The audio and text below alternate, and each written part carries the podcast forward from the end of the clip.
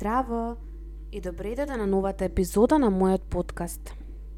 Доколку сакаш да дознаеш која е твојата страст во животот, застани тука и продолжи да слушаш. Не е важно колку години имаш, не е важно каде си, не е важно кој си.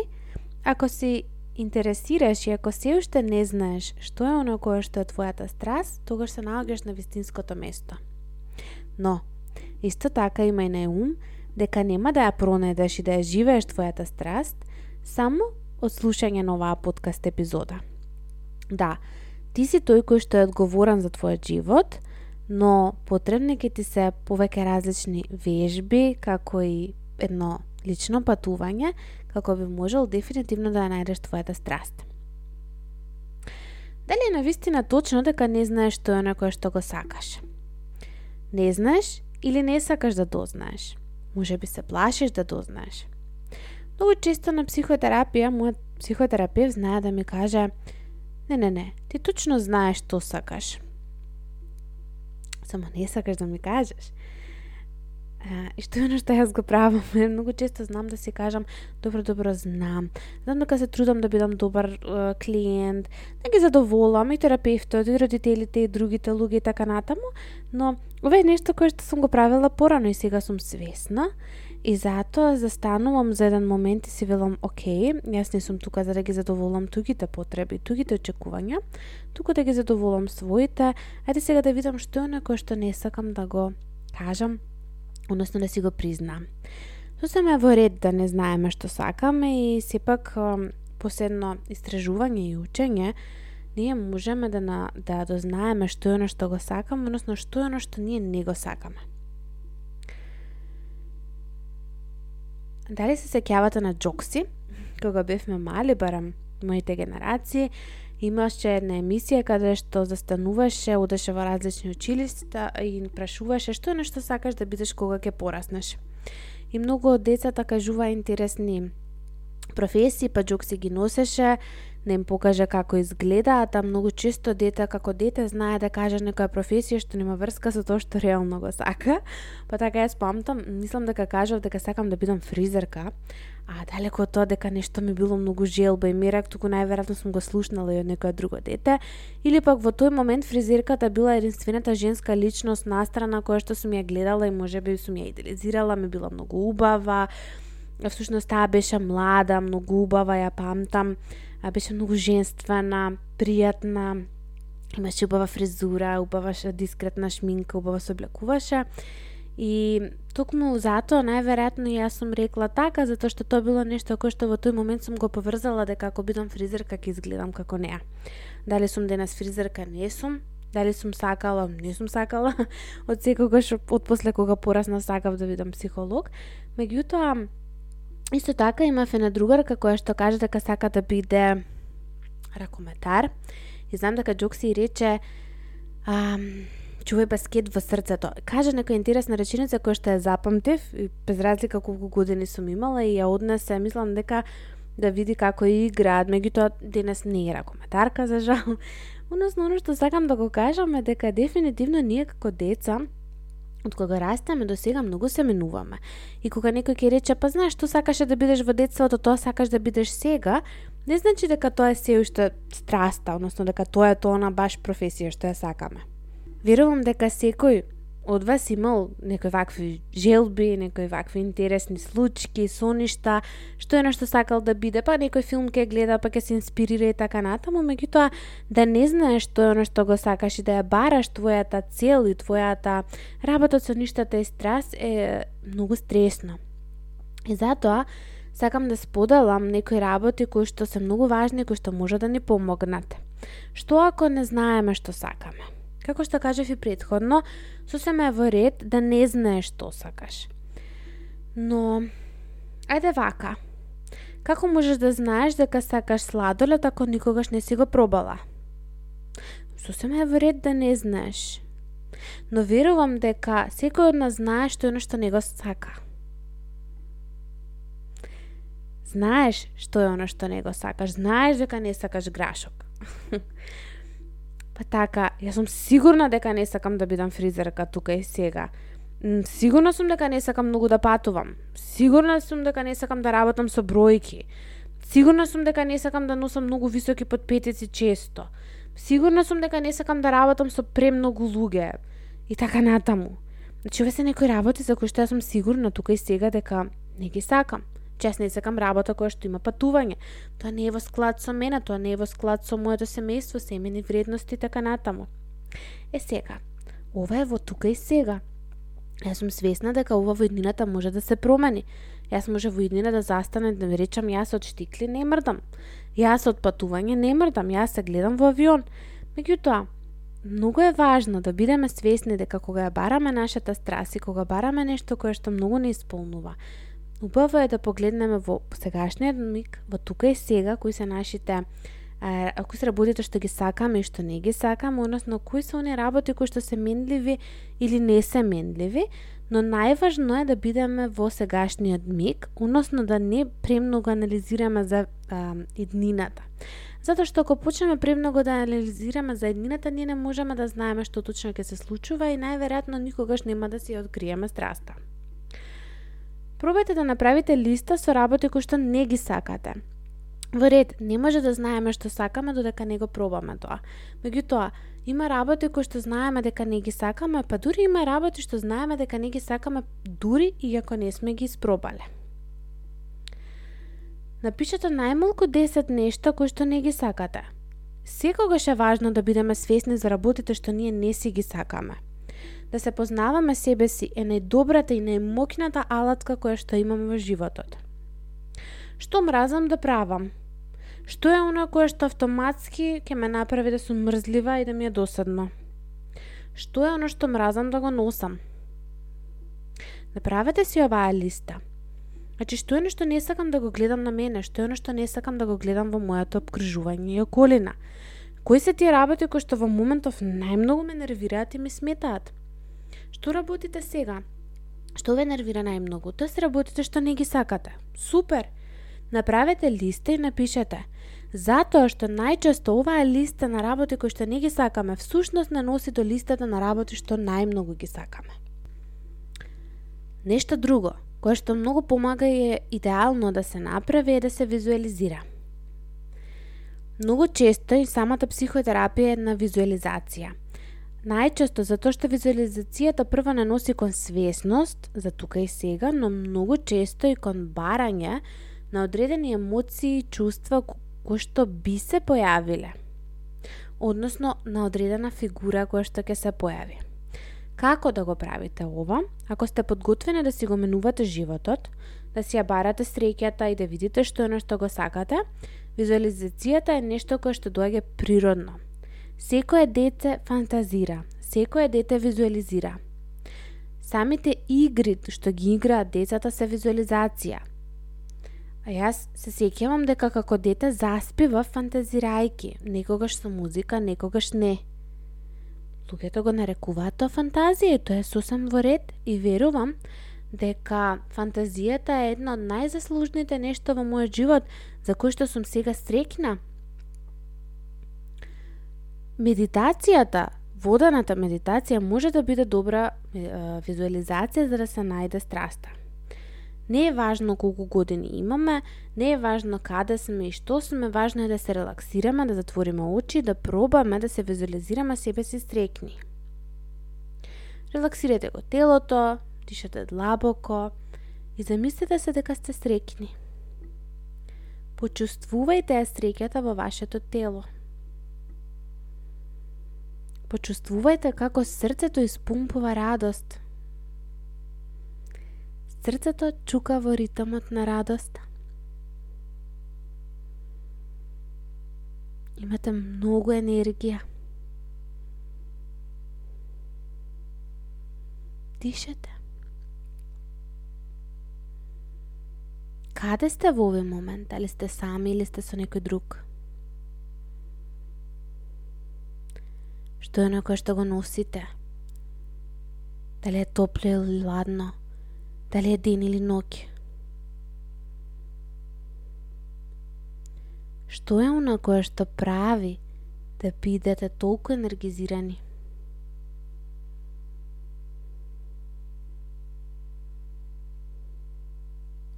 Секој здив што го земате е радост и среќа. Секој здив е енергија. Погледнете го обкружувањето, што е на што го правите.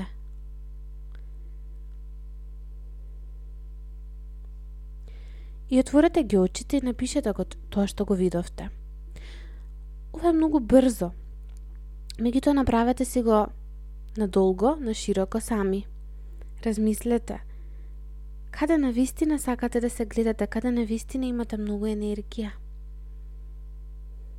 Кога јас ја правев оваа вежба на терапија, бев обкружена со многу цвекиња, растенија, бев сама, а, со многу природна светлина, пишував и бев со компјутер.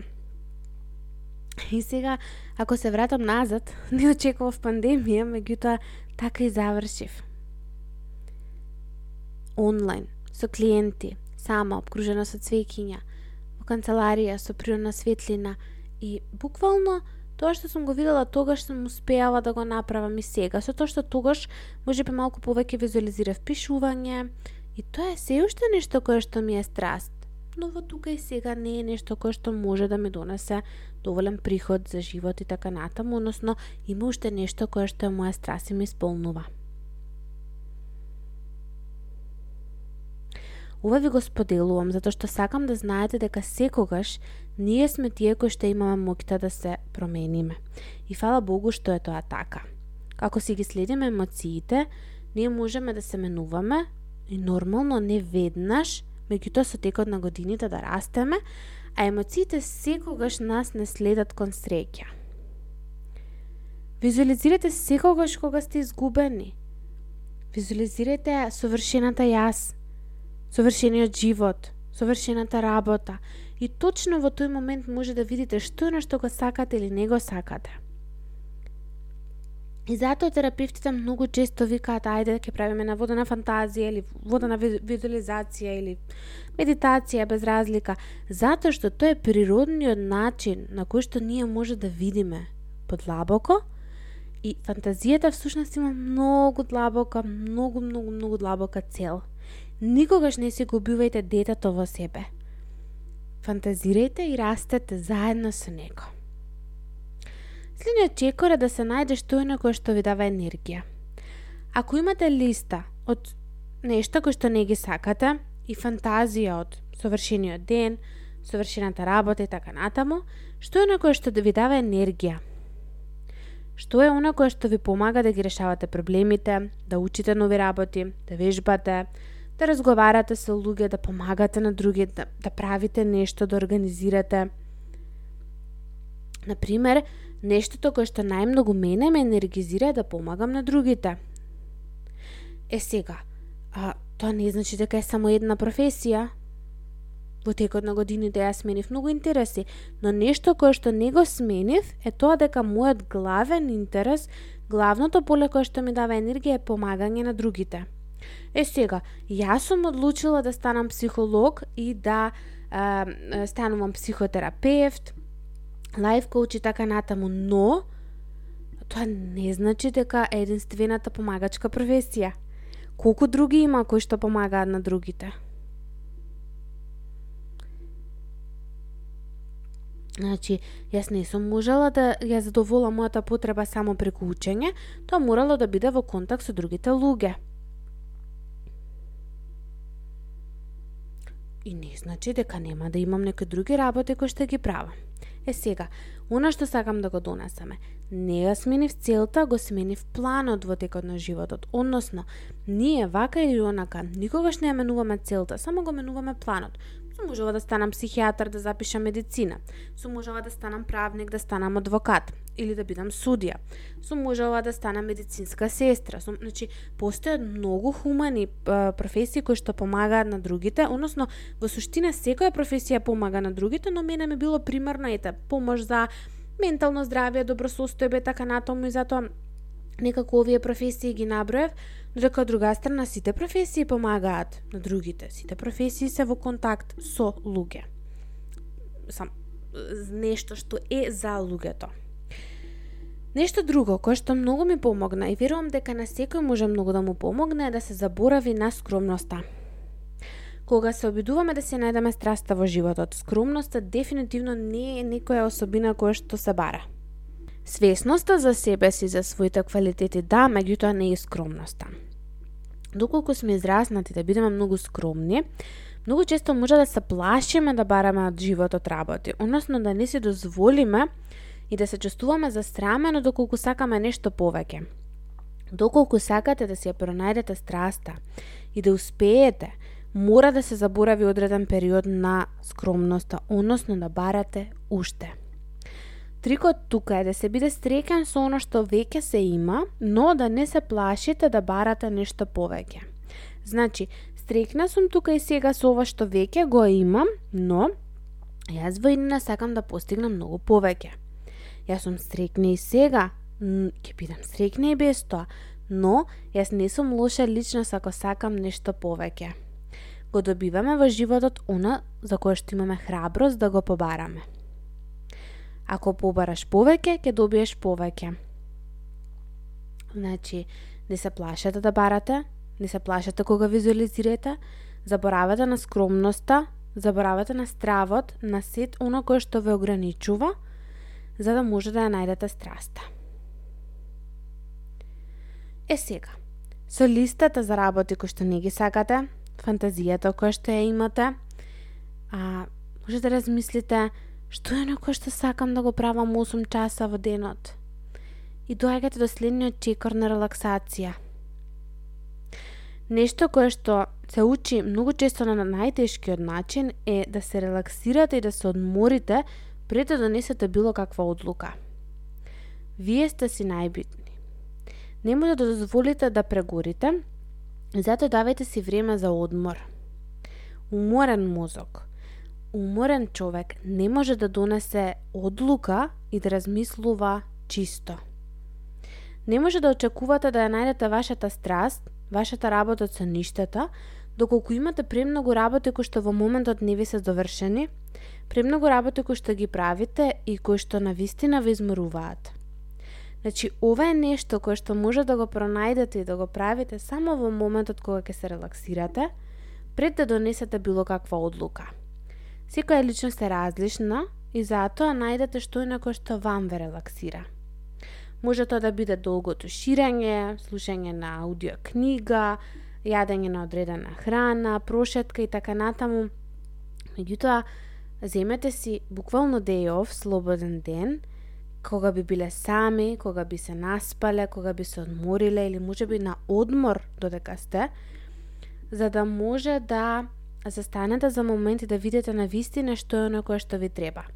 Потребно е да направиме понекогаш рестарт, како би можеле мозокот да го вратиме во една позиција на реалност на она што е тој автентично внатре, како би можел да донесе одлука и самиот. Експериментирајте, затоа што љубопитноста е одлична. Бебињата почнуваат да експериментираат, љубопитноста е таа која што е убава да се развива кај децата, тие пробуваат различна храна, различна количина на храна, различна текстура, тие експериментираат всушност со се, Учат да седат, да се подигнуваат, да се превртуваат, да одат, да трчаат, држат мали предмети и така натаму. Зошто да не продолжиме да експериментираме во животот? Сосема е во ред да се менуваме во текот на животот и вашата страст ке се менува. Работите што ги сакате ќе бидат различни. Затоа следете си ги чувствата и емоциите, пробувајте различни работи. И можеби ќе се изненадите колку нови таленти ќе се пронајдете кај себе си. Само бидете сигурни дека сте во склад со емоциите и секако со одредени правила и норми и едукација. Никогаш не се плашете да излезете од вашата комфорна зона, односно изградете си ја таа комфорна зона да ви биде убава, а да ве вади од тоа секојдневие кое што не го сакате. Со сето ова, размислете каде да сте сега, дали нешто може би откривте или дали може би треба нешто да завршите како би можело да откриете. Дајте си време да гледате филмови, да читате книги, да слушате видеа како би се инспирирале и би виделе какви се професии постојат, какви се страсти постојат и хобиња кај други луѓе. Дали вашето хоби е нешто кое што може да стане работа? Како станало тоа хоби? Истражувајте, гледајте што е оно кое што ви прави пријатност и среќа.